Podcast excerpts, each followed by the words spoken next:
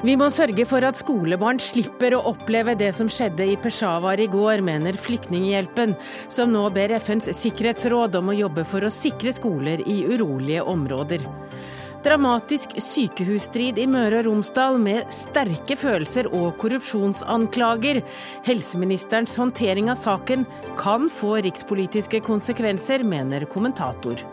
Og så kommer statsministeren, som innrømmer at det har vært en turbulent høst for regjeringen. Hun møter Arbeiderpartileder Støre til debatt.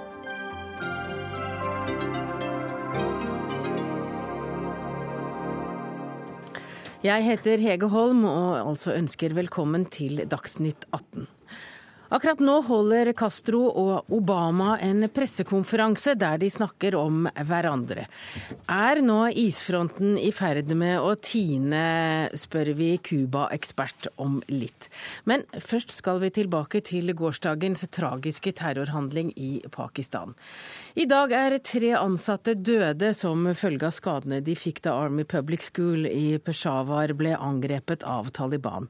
Fra før er det bekreftet at 132 barn og ni lærere er drept. Og Philip Lote, du er utenriksmedarbeider her i NRK. Pressen ble i dag sluppet inn på skoleområdet. De fikk se eh, det som hadde, eller det som, hvordan det så ut i dag etter gårsdagens angrep. Hvilke bilder er det du har sett i dag? Det er ganske utrolig og bilder som er vanskelig å forstå. Det er da eh, gulv som nærmest er malt i blod. Eh, sko, skolebøker, eh, bager, sekker eh, som ligger eh, på gulvet innimellom pulter. Eh, vegger som er gjennomskutt. og så da, da kombinert med vitneskildringene fra de som overlevde, noen av de elevene som forteller at de lå der eller faktisk eh, noen som ble skutt i skulderen og trodde de skulle dø, og så så de at uh, disse væpnede mennene gikk videre og skjøt kameratene én etter én, likviderte dem. Uh, så det, det, er bilder som faktisk er veldig vanskelig å forstå når du ser dem. Det, det er noe av det verste og blodigste som jeg noen gang har sett. Hva skjer i Pakistan i dag? Eh, de har begynt å begrave disse 132 elevene. Eh, ifølge islam så skal man jo helst begrave innen et døgn er gått. Eh, disse begravelsene har begynt. Det er samtidig også et voldsomt raseri, et voldsomt sinne. En, en sjelgranskning og mange spørsmål som blir stilt.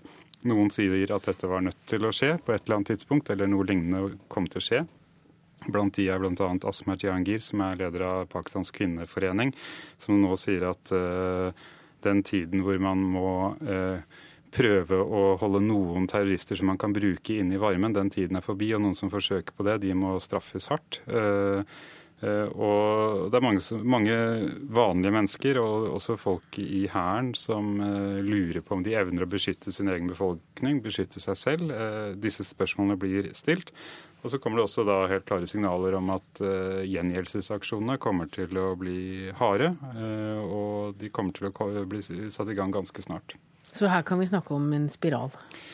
Mulig en spiral, i hvert fall uh, en ganske entydig beskjed fra statsminister Nawaz Sharif i dag om at han ikke kommer til å gi seg før alle terroristene er tatt, drept eller uskadeliggjort. Det er vel omtrent det han gir uttrykk for. Og så har også hærsjefen eh, Rahil eh, Sharif eh, vært i, Kabul. Snakket med president Ashraf Ghani der, og også snakket med ISAF-kommandanten. Og det er jo spørsmålet i hvilken grad de klarer å nå regionalt, på tvers mellom Afghanistan og Pakistan, og kanskje komme frem til en omforent politikk og strategi og offensiv for hvordan man skal møte Taliban i, i begge land. Eh, og også hvordan man i Pakistan eh, selv kan prøve å bli enig. Altså det har vært et land har, hvor det har vært store politiske protester. Imran Khan, som er en opposisjonspolitiker, har jo frem til i dag hatt uh, forsøkt å kaste, få Nawaz Sharif kastet. Uh, så jeg tror vi nå går inn i en periode hvor vi får veldig mye selvransakelse i Pakistan. og Eh, en veldig krevende politisk prosess og en, en tung sorgprosess som de bare så vidt eh, har eh, begynt på. det som er litt odde i alt dette her, er jo at det faktisk har kommet en uttalelse fra Taliban i, i, Afghanistan. Om dette er en enkel, enkel uttalelse og i hvilken grad den representerer deres syn, er jo helt uklart. Men de har jo faktisk fordømt handlingen og sagt at dette er uislamsk. Eh, så, så det, er, det, er, veldig mange ytringer som kommer her, eh, og hva man skal tro. Men, men eh, det er helt klart at både i Pakistan og Afghanistan så er det nok meget sannsynlig at man nå vil få en form for ny offensiv for å, knekke Taliban. Og så er det jo da selvsagt helt uklart hvor vellykket en sånn offensiv vil være. Khalid Mahmoud, du er bystyrerepresentant i Oslo for Arbeiderpartiet. Du er født i Pakistan. Hvilke reaksjoner har du møtt i dag når du har snakket med folk i Pakistan? Ja, altså Folk har jo til å begynne med vært veldig tynga av sørgen. Men samtidig, som eh, Philip sier, det er også et veldig stort raseri. Hvor da folk nå ber om hevn, og hvor man folk ber om at nå kanskje staten, Pakistan, intensiverer kampen mot eh, terroristene. Samtidig som da man vil at nå må man ta med litt hardt i, og ikke med sånn silkehanse. Samtidig som man egentlig nå vil ha bort den terminologien som har vært, vært brukt i det siste, hvor man har på en sånn eh, ambivalent måte sagt gode Taliban og dårlige Taliban. Nå vil folk ha en uvilkårlig kamp mot terrorisme i Pakistan. Det er i hvert fall en ganske klar og tydelig gjengangsmelodi i hele samfunnet i dag.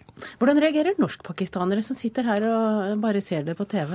Ja, altså Det har jo vært forferdelse her også. Folk har vært også veldig eh, følt dette som en sorg og en slags eh, tristhet eh, på kroppen veldig nært. Og mm, det er jo sterke bilder, og egentlig selv om du er fra Pakistan eller ikke fra Pakistan, så går jo dette veldig sterkt inn på deg. Så det er veldig mange mennesker som også her nå uh, mener at den pakistanske regjeringen og pakistanske myndighetene må prøve å komme på Altså, de må bestemme seg for et eller annet. Altså, man har jo hørt så masse rart at hvor man egentlig prøver å verne den ene Taliban for å ha bruk i den annen strategisk tenkning innad i Afghanistan og sånn, men at nå er folk virkelig lei eh, og mener at nå må vi uansett hvilken pris man betaler, så må man rett og slett bare gå til verks og ta et oppgjør med terrorismen, som da har vært der flere tiår på grensa mellom Afghanistan og Pakistan. Eh, nå har jo vi som det raseri, kanskje det er det som var presset, som gjorde at nå har myndighetene i Pakistan også nå opphevet det midlertidige forbudet mot henrettelser av dødsdømte. Eh, nå er riktignok det delvis, det er bare for de som har fått eh, sine dødsstraffer fra terrordomstolene. Ja, er, det, er, det natur, er, det en konsekvens av det som skjedde i går? Det er en konsekvens av det press som nå befolkningen og det raseriet blant folk er. Fordi at man har følt Det har vært en ganske stort problem i Pakistan, hvor f.eks. dommere har kviet seg for å dømme noen ut ifra uh, terrorbevisene til døden. Og de som har vært dømt, de har vært i fengslene, og der har de da også igjen brukt de elementene utenifra som et pressmiddel, og så utpressa. Og, og, så har de på en måte livet som en vipp inn i fengselet som de har vært dødsdømte. Så det er en uh, raseri som egentlig håper jeg ikke regjeringa bukker under, men at de på en måte beholder fornuften og et klart syn når de går til kamp mot uh, terrorismen. Det er egentlig det som egentlig trengs. Er du optimist eller er du pessimist? Altså Jeg er optimist fordi jeg mener at uh, i motsetning til mange andre steder i Midtøsten, så har jo Pakistan en av de verdens beste hær. Og de, en, de, fungerer som en institusjon, og de er i stand til, de er godt utrusta, de er godt trent, de er godt organisert.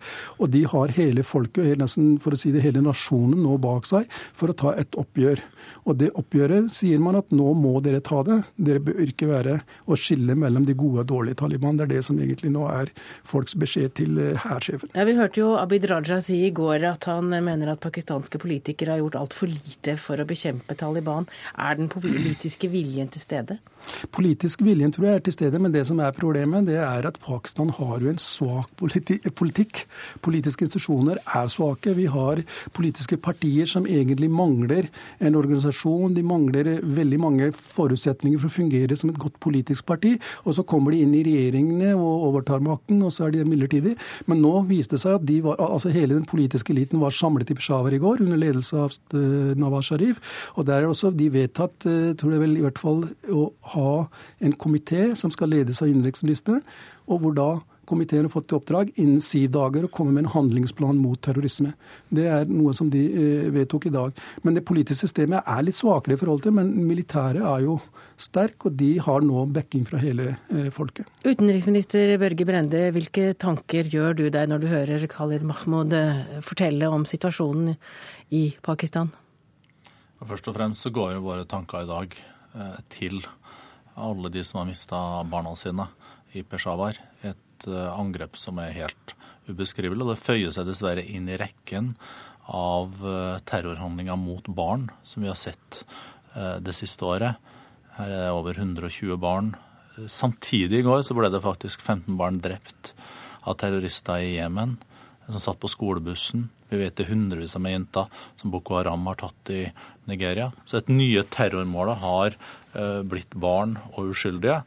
Eh, dette må vi stå opp mot. Eh, og vi må gi en beskyttelse rundt skoler globalt av en helt annen karakter. Når det gjelder det komplekse situasjonen i Pakistan, så jeg er enig i at nå må man forvente at statsminister Sharif sammen med hærledelsen tar et endelig oppgjør og et generaloppgjør med det Pakistans Taliban står for. Man har jo forsøkt tidligere.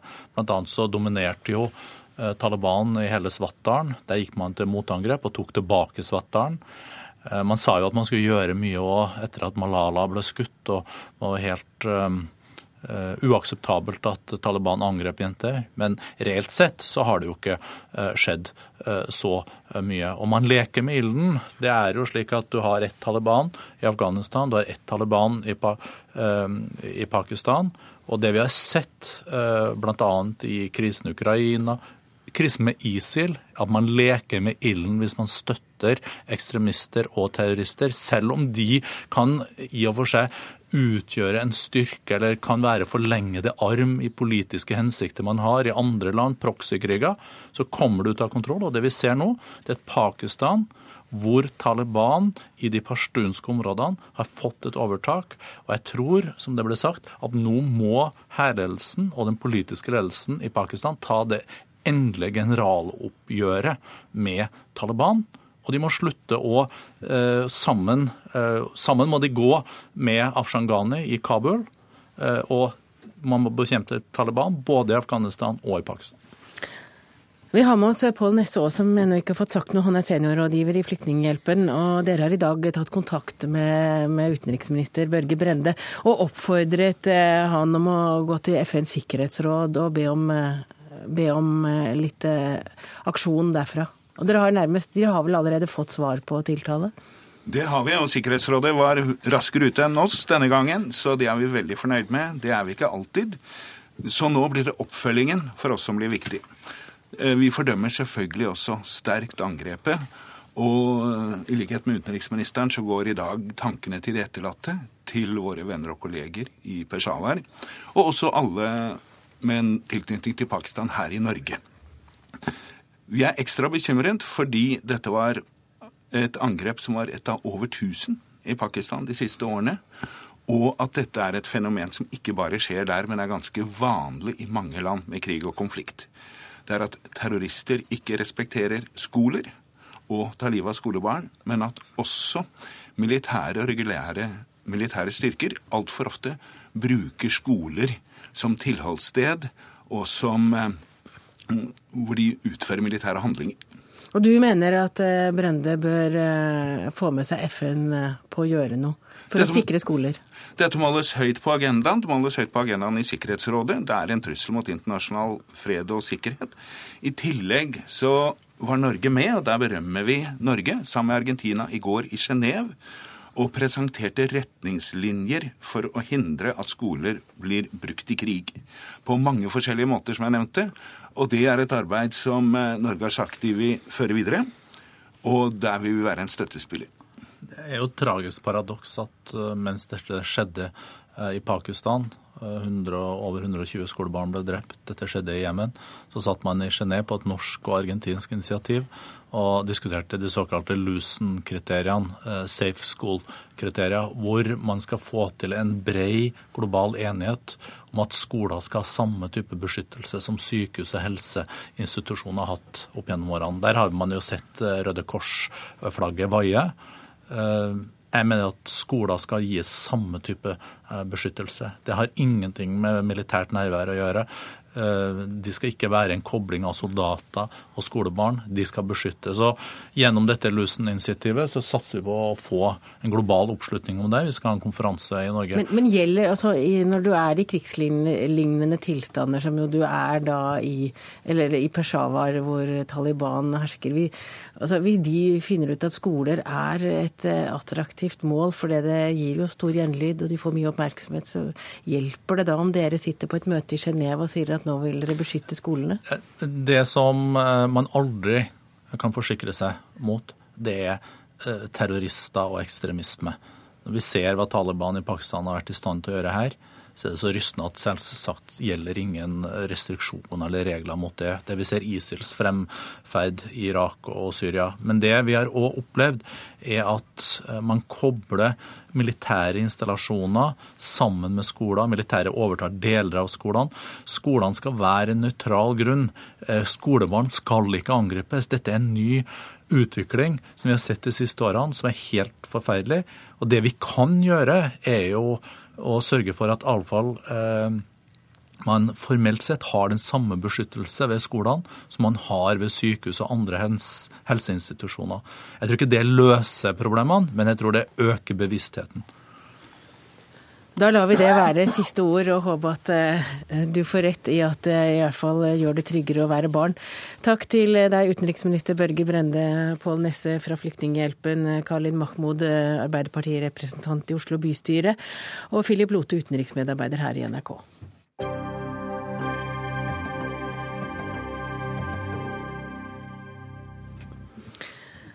Helse Møre og Romsdal har i dag med fem mot fire stemmer vedtatt en innstilling om å legge fellessykehuset for Nordmøre og Romsdal til Oppdøl på Hjelset rett utenfor Molde. I morgen skal helseforetaket Midt-Norge ta stilling til saken, og på fredag da fatter altså regjeringen et endelig vedtak. Og Thomas Bo Hornburg, du er politisk kommentator i Aftenposten. Nå må du forklare oss hvorfor har en lokal sykehusstrid, som vi jo da har over hele landet med jevne mellomrom, blitt en nasjonal sak? Dette er nok den bitreste sykehusstriden i Norge. Lokalt så vekker den veldig, veldig sterke følelser av mange grunner. Det er byrivalisering, det er arbeidsplasser, det er reiseavstand til sykehus. Eh, og det har politiske overtoner, fordi Molde er en høyreby og Arbeiderpartiet styrer Kristiansund. Eh, og så har denne striden nå i tillegg på oppløpssiden fått en nasjonal karakter ved at Stortinget har begynt å interessere seg for hvordan Høie har håndtert denne saken. Ja, Det skal vi komme tilbake til. Vi har noen av de mer lokale aktørene, selv om de heller ikke er med. Men de observerer. Det er bl.a. deg, Ole Bjørner Lo Velde. Du er redaktør i Romsdals Bustikke i Molde. Eh, hva er din reaksjon på den siste nyheten i dag om at eh, ja, sykehuset blir altså lagt til Molde hvis, eh, hvis de får det som de vil i, eh, helse, i det vedtaket som er fatta i dag. I morgen er det jo foretaket, og så er det regjeringen. Men det er Molde som leder, da, kan du si. Ja. Nei, min reaksjon er at uh, vi er veldig glad for at uh, det ble en uh, behandling av denne saken i styret i Helse Møre og Romsdal i dag.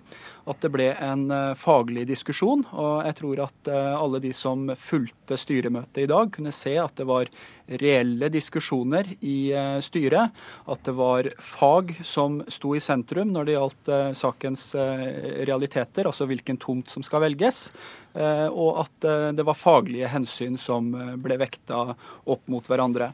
Så så vi at det var forskjellige syn i, i styret. Det syns jeg også er sunt, at det blir tilkjennegitt, og at man, at man får, en, får, en, sånn debatt før man, før man tar en, en, viktig beslutning. Jeg kan du ikke helt kort fortelle oss hvorfor det faglige er riktig å legge sykehuset til Romsdal-regionen til Molde? Nei, Dette er jo et sykehus for eh, Nordmøre og Romsdal. Eh, og eh, Det som er viktig når man skal fatte en sånn beslutning, er at man tenker på pasientene i Nordmøre og Romsdal. Og eh, Det som eh, da har blitt trukket fram som de gode argumentene for eh, Molde, det er at man har et sterkt fagmiljø ved det eksisterende sykehuset. Et vesentlig større fagmiljø enn det man har ved sykehuset i, Kristiansund. I tillegg så er den geografiske plasseringen på Hjelset, som er tomta utenfor Molde, slik at det er flere som vil nå den raskt. Og i, fra helsevesenet så vet vi at det er av stor betydning at man skal kunne nå et sykehus raskt. Tore Dyrnes, du er redaktør i Tidens Krav i Kristiansund. Du tilhører altså dagens taperlag. Hvordan ble resultatet mottatt i ditt område? Nei, jeg tror folk eh, først og fremst er sint på, på både sånn som prosessen utvikla seg og sånn som styremøtet var i dag.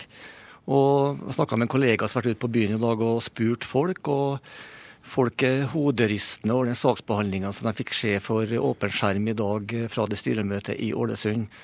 Det som skjedde i starten av møtet, det de ansatte representantene la fram opplysninger. og Folk liksom rister litt på hodet og lurer hvilket samfunn lever vi i når slikt som dette kan skje. Det er det som er den gjengse oppfatninga. Ja, altså Det ble jo da framsatt eh, påstander om korrupsjon ved starten i dagens møte. Ja, det var jo de ansattrepresentantene fra, fra Volda og Ålesund som eh, la fram opplysninger som har fått, som mente måtte fram i styremøtet. Som var, ja, det var, var sjokkerende på mange måter.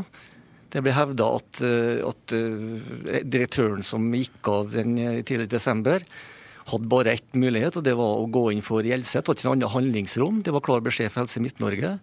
Hun valgte å trakke seg, og så kobla opp mot sluttpakken.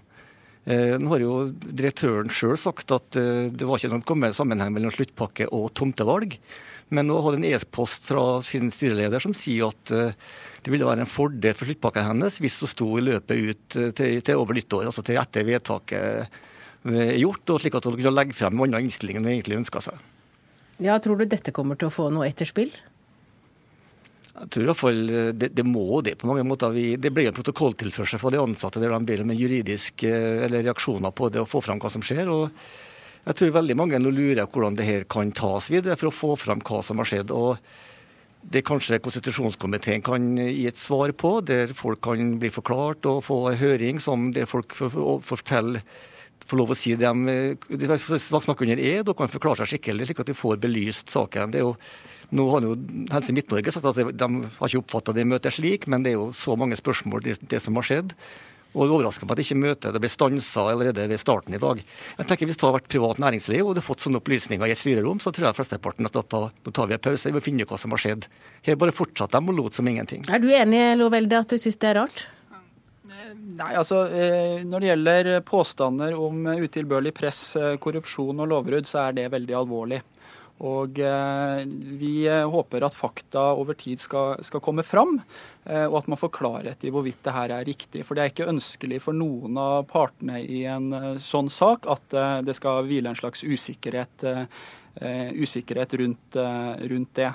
Eh, sånn at eh, Når det gjelder eh, behovet for å finne ut av hva som har skjedd, så tror jeg ikke at, at det er noe ulikt, ulikt, syn på det. Men, men det sier jo mye om dramatikken i denne saken. at det, altså, dette er da, Hva som er gehalten, det vet vi jo ikke helt ennå, det kommer man jo til å finne ut. Men, men ettersom en slik sak kommer opp, så betyr jo det at det er en voldsom dramatikk. Hvorfor det? Det er en, det er en voldsom dramatikk, og jeg har eh, prøvd å rydde opp i det her litt i, i mitt eget hode. og eh, På den ene sida så har man på en måte fakta og fag som denne beslutninga skal, skal eh, tas ut ifra. Ved siden av det så har du det, prosessen, og man ønsker selvsagt en riktig, åpen og rettferdig prosess. Og til sist så er det følelser. Som det ble nevnt i innledningen her, så er dette en sak som har Eh, som det er knytta veldig sterke følelser til i, i, hele regionen. Eh, og når dette på en måte blir eh, sausa sammen da, til en, en, beslutningsprosess, så ser man at man får, får spørsmål rundt alle disse tre, tre elementene. Tilbake til deg, Thomas Bo Hornburg, for dette er jo da også blitt en nasjonalsak. For man spør seg hvilken rolle har helseminister Bent Høie spilt i denne saken. Det måtte han da svare for også i eh, Stortingets spørretime i dag, og hva har kommet ut av det? Han valgte å svare det han har svart tidligere, og det er langt på vei å ikke svare.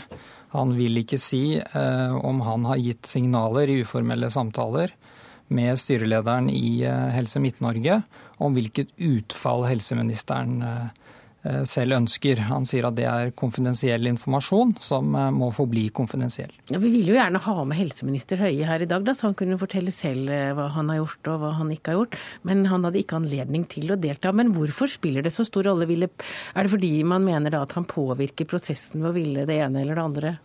Jeg tror vi må spole tilbake i hvert fall til 2010, da denne prosessen havarerte sist. Da ble alle enige om at man måtte ha en prosess som gjorde at man aksepterte beslutningen, både vinnere og tapere. Og Da skulle man ha en prosess hvor man bygget på faglige innstillinger i det lokale helseforetaket, og så skulle det eh, havne på helseministerens bord til slutt.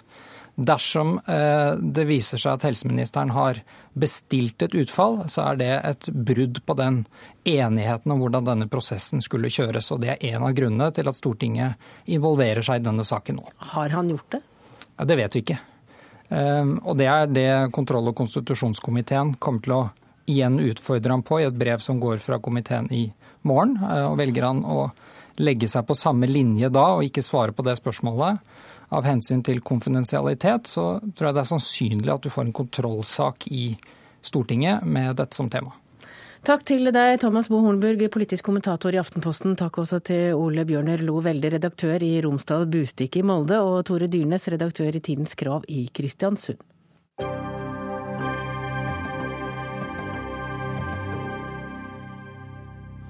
Ja, da skal vi til USA, der president Barack Obama nettopp har kunngjort det han kaller en historisk endring i USAs Cuba-politikk.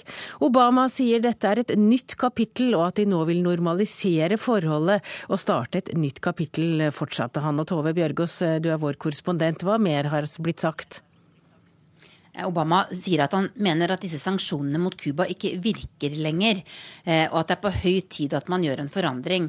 Og at grunnen til at han kommer med dette nå, er at Alan Gross, en amerikaner som ble fengslet på Cuba da han holdt på og monterte satellittutstyr og mobilutstyr for den amerikanske hjelpeorganisasjonen USAID.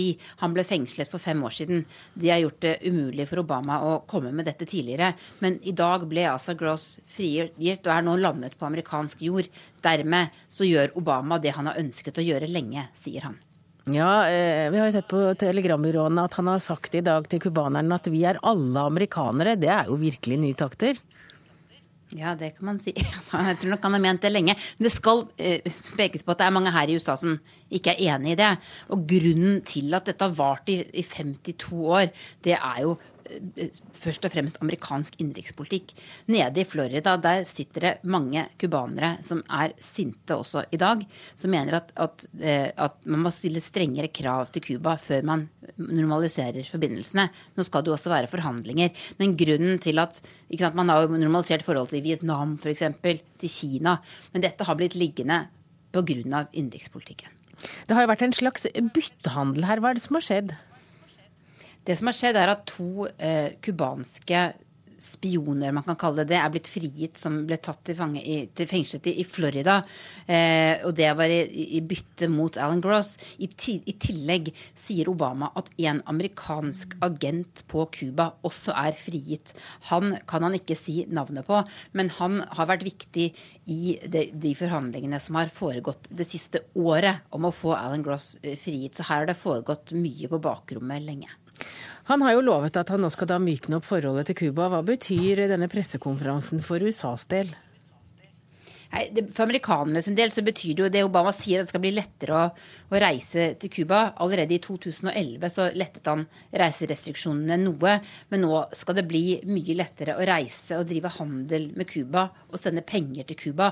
Og så ønsker også USA nå å åpne forhandlinger om å opprette en ambassade på Cuba, og at Cuba gjør det samme her. Det er et skjær i sjøen her. Kongressen har jo vedtatt disse sanksjonene, så Obama står ikke fritt til å gjøre akkurat hva han vil, men han gjør nå så mye som han kan som president. Vegard By, du er forsker ved Senter for utvikling og miljø på Universitetet i Oslo, og du er også Cuba-ekspert. Er dette en gledens dag? Ja, for de fleste tror jeg det er det, men det er klart det er folk på begge sider her som ikke ønsker at det skal skje. Og vi har hørt en del av de cubanske kongressfolkene i Miami i dag, som selvfølgelig er rasende. Og det er helt sikkert folk også internt i kommunistpartiet på Cuba som ikke liker det. Men jeg tror de aller, aller fleste, både, både vanlige mennesker og den politiske ledelsen både i Washington og Havana, venter på dette veldig lenge. Men hva er det Obama kan gjøre? Han kan gjøre ganske mye. altså Husk at Dette er faktisk den eneste saken der presidenten må, er bundet av Kongressen i utenrikspolitiske saker. Etter at Bill Clinton da undertegnet denne Helms Burton-loven eh, på 90-tallet. Men han kan gjøre ganske mye. Han, eh, det er klart det å etablere eh, diplomatiske forbindelser, åpne ambassader kan han gjøre. Han kan tillate folk, amerikanere å reise til Cuba. Det er jo absurd at amerikanske turister kan ikke reise til Cuba. Og reiser de, så må altså cubanere betale for dem. Eh, han kan eh, øke handelen. Eh, allerede nå har det jo vært betydelig salg av matvarer fra USA til Cuba. Og kanskje det aller viktigste slik jeg ser det, er at han kan la cubanske amerikanere i USA Eh, få investere på Cuba, kanskje i første gang gjennom sine familier, altså etablere små familiebedrifter. Slik begynte markedsøkonomien i Kina og Vietnam, og slik tror jeg de vil også begynne, eller i hvert fall utvikle seg videre på Cuba. Det er kanskje det aller viktigste han kan gjøre. Men hva vil Castro, hvordan vil han reagere på det, da? Ja, Det, det er veldig interessant, fordi hvis, hvis Barack Obama nå sier at ok, eh, cubanske amerikanere kan gjerne få til å investere på Cuba, så må Castro også heve forbudet mot private selskaper. Altså Nå er det kun eh, såkalt selvsysselsatte som kan operere utenfor staten på Cuba. Da, da, da, må Castro tillate at private selskaper får lov til å ta imot utenlandsinvesteringer. Så her, det, det, mest, det, smarteste USA kan gjøre nå, er å, å, å stille utfordringer til Cuba. Dere får mulighet til å ta imot eh, investeringer hvis dere tillater en ikke-statlig sektor. Og så er det menneskerettighetene. De kommer man alltid innom når du snakker om Cuba. Eh, en åpning mot USA og mot Vesten Eh, hva vil det gjøre med, med regimet på Cuba? Denne åpningen er jo i full gang. Altså, det er slutt på det statlige informasjonsmonopolet på Cuba. Eh, da cubanere fikk anledning til å bruke mobiltelefon, og i begrenset grad riktignok tilgang til internett, så betyr det at du har i dag en informasjonsstrøm på Cuba som er helt annerledes enn for fem år siden. Den vil bare fortsette. Eh, teknologien vil også gjøre at dette vil, vil utvide seg videre. Så, og Det var jo noe av det Allan Gross da skulle bidra til. Husk at her er det faktisk også eh, to, tre, tre cubanere i Miami som eh, på en like tvilsomt grunnlag har blitt holdt fengslet. Eh, vi kan komme tilbake til hvis det er tid til det, men, men det er en utvikling mellom to, eh, mellom Alan Gross og, og, og, tre, som det var opprinnelig fem cubanske fanger i Miami, som har vært på en måte eh, hindre for å få disse tiltakene på banen. Men det var det Alan Gross skulle bidra til, og jeg tror at dette vil skje i mye større grad nå.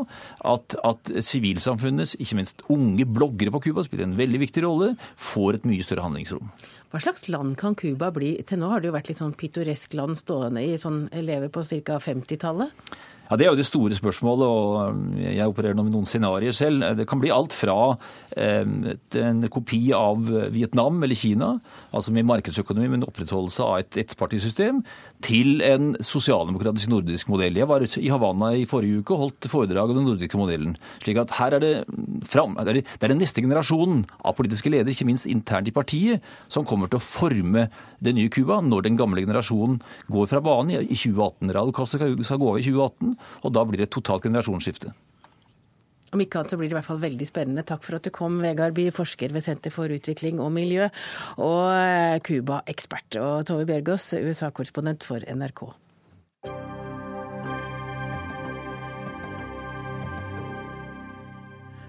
Ja, Snart skal Erna Solberg oppsummere det siste halvåret som statsminister i Norge, men før det skal vi snakke om netthandel her i Dagsnytt 18. For handler du varer på nett, bør du følge ekstra nøye med, og det er det kanskje mange som gjør eller har gjort nå i førjulstida. I sommer da kom det en ny angrerettlov som skulle gjøre det tryggere å handle på nett. Nå viser det seg at denne loven har gått en del av nettbutikkene hus forbi. En undersøkelse Forbrukerrådet har foretatt blant 150 tilfeldige nettbutikker, er ganske nedslående. Og det mener iallfall dere, Ingeborg Flønes. Du er eh, direktør for forbrukerservice i Forbrukerrådet. Hva var det dere fant? Ja, Av de 150 nettbutikkene som vi testa, så var det kun 9% som ikke fikk noen anmerkninger.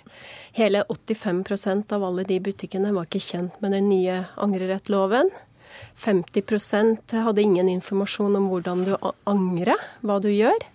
Og kun altså, så mange som 21 av de 150 hadde ingen informasjon i det hele tatt om angreretten. Men man får lov å angre når man har kjøpt noe man ikke vil ha, men eh, det er ingen som forteller deg at du har den retten?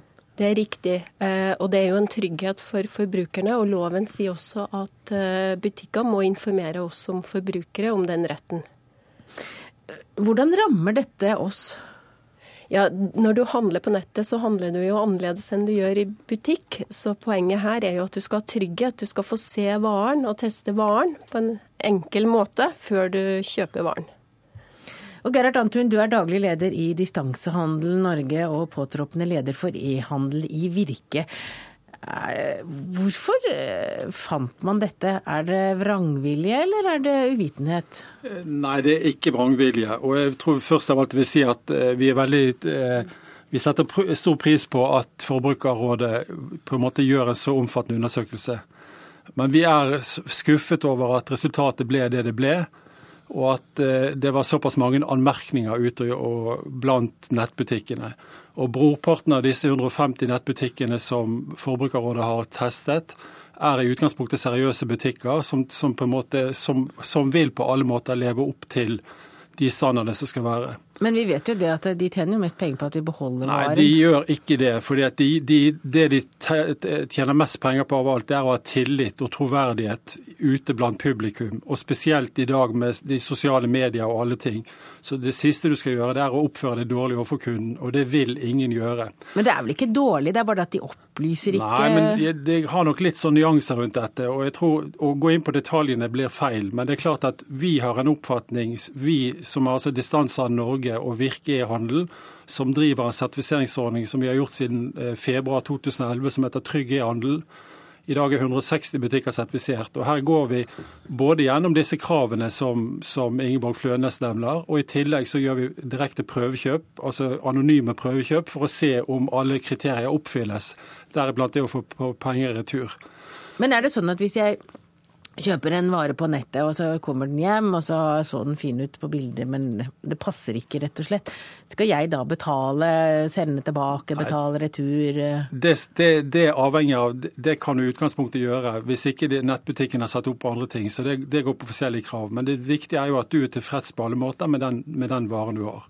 Og bare la meg si videre på det, det vi ønsker å gjøre nå, det er vi har allerede i dag gått ut til de, de, disse omtrent halvparten av de 150 butikkene som er Trygg e-handelssertifisert, og bedt om de av de som har fått anmerkninger, og få vite hvilke anmerkninger det er. Så vi går gjennom dette sammen, og så vil vi ha en dialog med Forbrukerrådet som sikrer at vi ved neste undersøkelse som dere foretar, når, når, det, når det, skjer, så skal vi vise opp, opp, at det er færrest mulig, om enn noen anmerkninger. Men hva er, det, hva er det de ofte ikke gjør? Eh, det de ikke gjør, er at de informerer for dårlig om de rettighetene vi har som forbrukere. Og Nei, hvordan skal, skal de, de informere?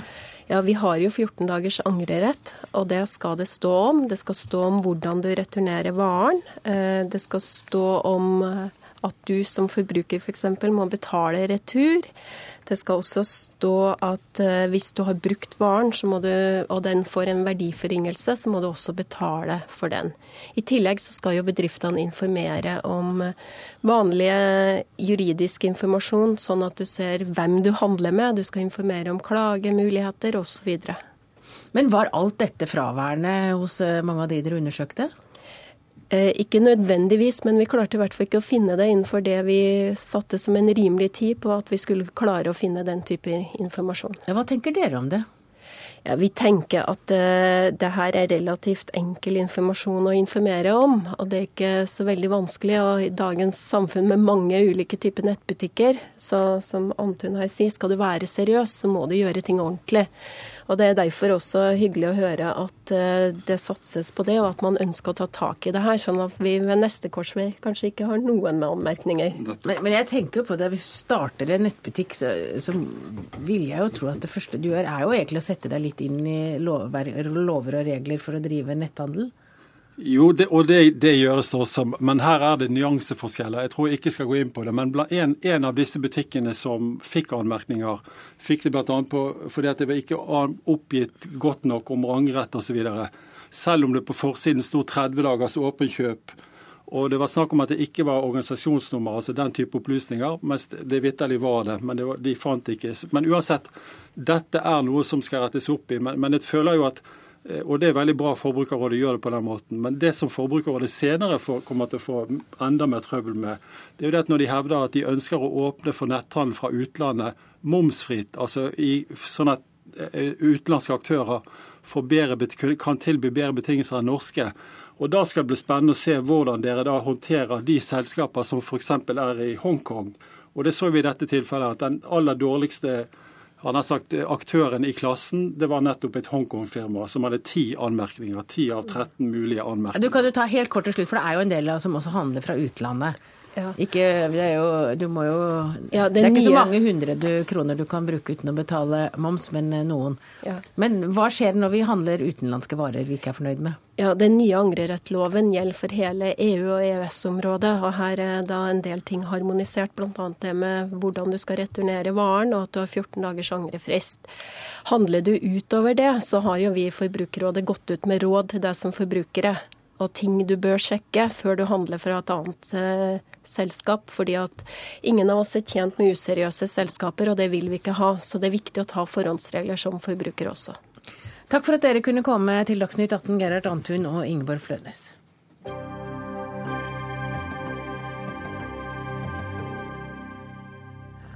I dag holdt statsminister Erna Solberg pressekonferanse der hun oppsummerte den politiske høsten, og hun sa bl.a. vi må slåss sterkere for å bevare velferdssamfunnet, og trakk samtidig opp eh, den internasjonale situasjonen, sikkerhetssituasjonen, som eh, en av de sakene regjeringen hadde jobbet mye med høsten 2014. Og velkommen, eh, Erna Solberg. Takk skal du ha. Det har vært en turbulent høst, det sa du på pressekonferansen. Hva, er det som du mener har vært mest turbulent for deg som regjeringssjef? Ja, for det første så sa jeg det med litt eh, humor pga. forventningene om at jeg hadde både snakket om at jeg skulle si noe om det òg, åpenbart i forsamlingen. Eh, etter at jeg hadde snakket om det jeg mener har vært viktigst for oss, nemlig spørsmålet om de gode, store internasjonale utfordringene som har dominert mye av det regjeringen faktisk har jobbet med, og ikke minst den økonomiske situasjonen og den utviklingen vi ser foran oss. Men det er klart, eh, for første gang med mindretallsregjering, så er jo det å ha stor debatt, åpen diskusjon om, eh, om forhandlinger, det er jo nytt eh, nå i forhold til de siste åtte årene. Men vi har altså tidligere hatt like mye inn og ut av dører, og diskusjon som det vi har hatt i høst. Men, men, du sa at dere vil tenke dere om neste gang og kanskje snakke litt mer på forhånd, sånn at dere slipper like mye innsikt i eh, det dere holder på med? Nei, Jeg har ikke noe frykt for innsikten i hva vi holder på med. Men det er klart, det, det som har vært utfordringen, som jeg tror alle fire partier opplever, det er at uh, det er så mye vi var enige om, og det er så mye i budsjettet som er vedtatt, som var det opprinnelige budsjettet, at det har vært at da blir det jo sånn at når budsjettet kommer frem, så er det de områdene vi ikke er enige om, som får fokus. Eh, og det er nok noe vi alle fire har sett på at kanskje ikke var helt heldig, for det var mye vi var felles enige om som lå i det opprinnelige budsjettet, og det kommer for lite frem. Derfor er det jo viktig for oss å se er det noe med måten når vi eh, kommer uten altså rett til Stortinget uten å ha gått runder mellom oss fire eh, på forhånd, som gjør at eh, kanskje, vi, kanskje, vi, kunne gjort det på en bedre måte, hvor, hvor, vi kunne synliggjort mer av det vi var enige om og som lå i det opprinnelige budsjettet, før det kom. Men dere får jo flere sjanser. Men, men ja, og derfor er det sånn at vi må alltid lære av prosesser. Dette ja. er helt nytt i Norge. En, en mindretallsregjering med en fast avtale. Det er en ny ting. Ja. En, men, men, hvis du skal da oppsummere og si, hva mener du er det viktigste som du har gjort denne høsten? Hva vil du si da? Det viktigste er at vi har startet på den viktige omstillingen det er å sørge for at eh, rammebetingelsene for norsk næringsliv blir bedre. At vi omstiller til det samfunnet som kommer når oljen betyr mindre. Det er en rekordhøy satsing på forskning, utdanning, innovasjon. Det er 25% økning siden 2013 til 2015-budsjettet på jernbane, vei og altså infrastrukturinvesteringene. Og vi har lagt til rette for bedre investeringer gjennom å gjøre endringer i skattesystemet som stimulerer til at vi også skal få flere som investerer i de risikofylte nye prosjektene, som skal være mye av det vi lever av i fremtiden. Jonas Gahr Støre, du er eh, leder i Arbeiderpartiet. Hvordan vil du oppsummere den politiske høsten? Den har vært dominert av eh, budsjettet. Eh, statsministeren sier at Stortinget har fått en ny rolle. Det er to partier på Stortinget som har fått en ny rolle. De fire andre de har fulgt med på dette i kulissene. Eh, det var et statsbudsjett som det ble stilt store forventninger til. Statsministeren og finansministeren sa vent til budsjettet kommer, skal dere se hva vi står for. Det tror jeg folk har sett. Og vi har også da fått en utvikling på meningsmålingene som har skiftet flertall etter at det har vært ganske stabilt gjennom et år. Eh, så er jeg enig med statsministeren at vært, eh, vi lever i en dramatisk tid. Altså, det vi så fra Pakistan i går, det vi ser i Europa, Ukraina, Russland, det er eh, nye tider. Der tror jeg vi har stått godt sammen i Stortinget. Og så står vi overfor krevende tider i internasjonal økonomi. Og det, der tror jeg vi er veldig enige om at det er utfordringer, krever omstillinger. Men vi har sett også i høst ganske ulike tilnærminger til hva som kreves, hva som er oppskriften for å lykkes med det. Begge regjeringspartiene har jo falt på meningsmålingene det siste halve året, og de mener vel selv, eller det, etter hva jeg har hørt, så er det pga. litt dårlig kommunikasjon, at de har kommunisert dårlig den politikken de har ført. Det har mest blitt kommunisert gjennom pressen hvilke problemer de har hatt. Eh, hvorfor tror du at de har falt på meningsmålingene? For det første så kjenner jeg igjen den type svar eh, fra da vi satt i regjering. Eh, fordi at man blir litt selvmedlidende og har stått på og jobbet, og så føler man at er, folk forstår ikke hvor flinke vi er. Eh, det er jo kanskje da naturlig å si at det er det folk gjør. Folk forstår hva som kommer. Eh, regjeringsapparatet har et stort informasjonsarbeiderkorps. De får ut politikken sin. Og når vi så den sosiale profilen etter budsjettet, 50% av skattekuttene til de 5% rikeste, samtidig kutt for de som er vanskeligst stilt. Vi har fått eh, ganske kraftige tak i arbeidsmiljøloven, en historisk vernelov for folk som jobber som alle de ansattes organisasjoner har gått imot. Der har man skjøvet de ansatte og de funksjonshemmede foran seg ved å si at det er bra for dem. Det er ikke bra for dem. De sier nei. Så den type tiltak har man sett. Og jeg vil oppsummere med å si at dette er dårlig tiltak for den omstillingen vi skal gjennom. Det er feil strategi. Og det tror jeg er en årsak til at også velgerne eh, ytrer seg på meningsmålinger som jo ikke er valg, det er målinger av meninger. Det er jo sånn at uh, Det er forskjell på strategiene våre. I åtte år hadde den forrige regjeringen en mulighet til å gjøre det vi nå gjør, med å satse på innovasjon, nyskaping og forskning. Det gjorde de ikke. Det gjør vi nå. I åtte år hadde de muligheten til å gjøre løftet for lærerutdanningen. Det gjorde de ikke. Det gjør vi nå. På område etter område så har vi også løftet det som investerer for fremtiden i budsjettet. Nå sier de at vi er enige om alt, men vi var jo ikke det når dere ikke satset den gangen dere satt i regjering. Nå tar vi de omstillingstakene som er nødvendige. Og deres svar har vært å bruke litt mindre penger, men å bruke også mye mer penger på å øke de varige offentlige utgiftene. Og det er ikke investering i fremtiden. Det er faktisk å sørge for at vi blir mer sårbare, at velferden blir mer sårbare i fremtiden. Vi gjør mye som er bra for de som har det svakeste økonomi i det budsjettet vi la frem. Vi har la, høyere barnehagesatser for de med lavest inntekt, noe de rød-grønne har stemt imot før. Vi har høyere eh, stipend i videregående skole for de med lavest inntekt. Utrolig viktig for å sørge for at de kan fullføre uten å ha lån fremover. Så på område etter område så har vi altså en litt annen profil, og det er i tråd med det en del utredninger som som eh, ble gjort under den rød-grønne, men som man allerede tok konsekvensen av.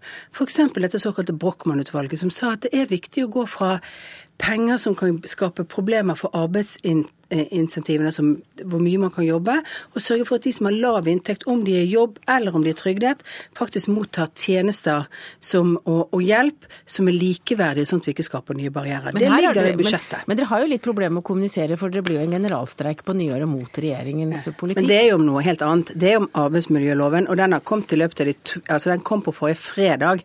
Så å si at fallet på meningsmålingene er et svar på det vi foreslo på arbeidsmiljøloven når den kom på fredag, det er litt spesielt. Det er jeg enig i, så det er mer i vente, kan hende. Eh, når statsministeren advarer mot de åtte årene, så tenker jeg at da begynner det å bli svakt på argumentasjonen. Hun overtok et land i veldig god stand. Vi hadde lavest ledighet, høy sysselsetting. Vi hadde skapt 350 000 nye arbeidsplasser, to av tre i privat sektor. Vi gjennomførte en stor pensjonsreform, reform av uføresystemet, mange store satsinger. Så jeg vil gjerne snakke om de åtte årene når som helst, men jeg merker at statsministeren godt skal tilbake dit. Jeg ønsker å se framover. Det hun ikke snakker om, er jo at vi nå ser rundt om i landet, i kommunene, svikt i skatteinntekter. Det har ikke regjeringen valgt å gjøre noe med. Vi har gjort noe med det. Vi bruker mindre oljepenger enn det regjeringen gjør. Men vi har altså valgt en annen strategi enn disse store skattekuttene som går til noen få. Og jeg tenker at det kan diskutere hvordan skatt oppmuntrer både til arbeid og investeringer, men det denne høsten også har vist, er at ledende økonomer har vært frampå og sagt at det er ikke godt gjort at denne type bruk av penger, som er den suverent største satsingen på budsjettet, er det som får aktivitet i gang. Og Da svarer statsministeren dette er akademiske studier, sunn fornuft sier noe annet. Vel, jeg tror sunn fornuft er ganske godt eh, fordelt, og folk får det med seg. Det som skjer på trygd, vel, jeg er opptatt av at det å arbeide alltid skal lønne seg, og vi må hele tiden passe på at vi har et velferdssystem som stimulerer til det. Men det dere foreslo, var jo kutt i barnetillegget til de aller, aller svakeste. Som ville komme ut i en veldig vanskelig situasjon, og det mener jeg er eh, et altfor brutalt grep. Og det har heller ikke den effekten, nemlig at det får folk i jobb. For her er det folk som er varig uføre, og som ville blitt rammet eh, veldig hardt. Det skjedde eh, ikke, og det er bra. Jeg tror statsministeren er best på å si hva statsministeren mener, og at ikke Jonas Gahr Støre skal si hva jeg har sagt. Det er faktisk sånn at vi har den største, største satsingen i dette budsjettet eh, det når du ser på økning i pengebruk, er på infrastruktur. Den er betydelig, for det er viktig for å få kostnadene ned for norsk næringsliv. I tillegg så har vi også gjort disse endringene. Jeg viser forskjellen. For en av taktikkene til Arbeiderpartiet nå, det er å late som de er for alt det gode vi gjør. Men de valgte altså ikke å gjøre det når de satt i regjering. Og Da er det altså en forskjell. For først må noen andre sette terskelen, og så kommer Arbeiderpartiet løpende etter. Vi er altså nødt til å ta inn over oss de endringene vi ser rundt oss. Det er for det første så har vi den langsiktige omstillingen hvor vi både skal bli grønnere, vi skal ha mer klimavennlig næringsliv, vi skal ha mindre utslipp, men vi må også skape mange nye arbeidsplasser. fordi at det at oljeaktiviteten reduseres, det er jo det vi nå må svare på. Og det er jo sånn at hele hovedgrunnen til at det var vekst i BNP de, årene, eh, de åtte årene før, var altså veksten i oljeprisen. Det var en sårbar vekst. Den var ikke fundert på et stort utvidelse av det økonomiske grunnlaget i Norge. Problemet vårt er jo at det, vi brukte heller ikke den veksten til å investere for fremtiden. Det gjør vi nå, og vi må gjøre mer av det, og vi må gjøre det raskere, for veien rundt oss er mer urolig. Ja, du forsømte deg, eller ditt parti forsømte seg? Eh Norge har handlefrihet fra år til år og den handlefriheten bruker vi. Vi har altså bevilget hvis jeg skal si det, 300 millioner mer til forskning vi i vårt alternative budsjett enn ditt budsjett. Og det er mer enn vi bevilget tidligere, fordi vi har brukt den handlefriheten år for år. Men igjen, hvis vi skal snakke om 2005 til 2013, gjerne. Men det er framover som teller. Vi blir flere, flere eldre, og vi har et stort grønt skifte. Jeg mener at omstillingsoppskriften til regjeringen, som nå får hele det arbeidende Norge imot seg, som ikke blir forstått som å satse de store pengene på de viktige oppgavene, er feil vei å gå. og Det kommer Arbeiderpartiet til å være tydelig på. Og Det har dere jo deres fulle rett til. men nå skal, vi, nå, nå skal, vi, ikke snakke mer om verken høsten eller framtida, for vi har fått en melding mens dere to satt der. Og det er altså en melding om at regjeringen sier ja til videre bevæpning av politiet. Det var jo en midlertidig bevæpning eh, som vi så kom for noen uker siden, og nå er altså tillatelsen forlenget inntil 15.2 neste år. Kan du svare på hvorfor det, Erna Sol, statsminister Erna Solberg? Fordi det samme trusselbildet eksisterer fortsatt, som var bakgrunnen for at vi gjorde det. Så jobber vi, vi har vært veldig opptatt av at dette ikke skal være overgangen til en permanent eh, bevæpning.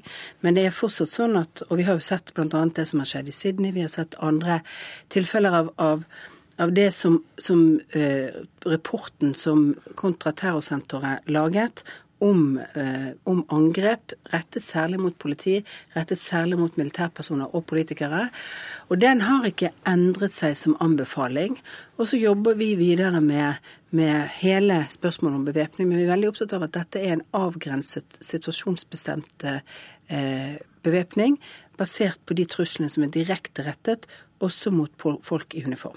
Takk til deg, statsminister Erna Solberg. Takk også til deg, Arbeiderpartileder Jonas eh, Gahr Støre. Du, du, vil gjerne kommentere Nei, det siste? Jeg vil gjerne si at Vi har tillit til at det her er en faglig vurdering, men jeg vil veldig gjerne understreke at dette ikke må bli en automatikk at vi glir over i permanent bevæpning. For det nå å gå ned i tiltak, det er også krevende, og det vil tror jeg Stortinget følge nøye med på. Men her har vi tillit til at det er gjort gode politifaglige vurderinger, og vi støtter det. Og så får vi følge med. Takk for dere.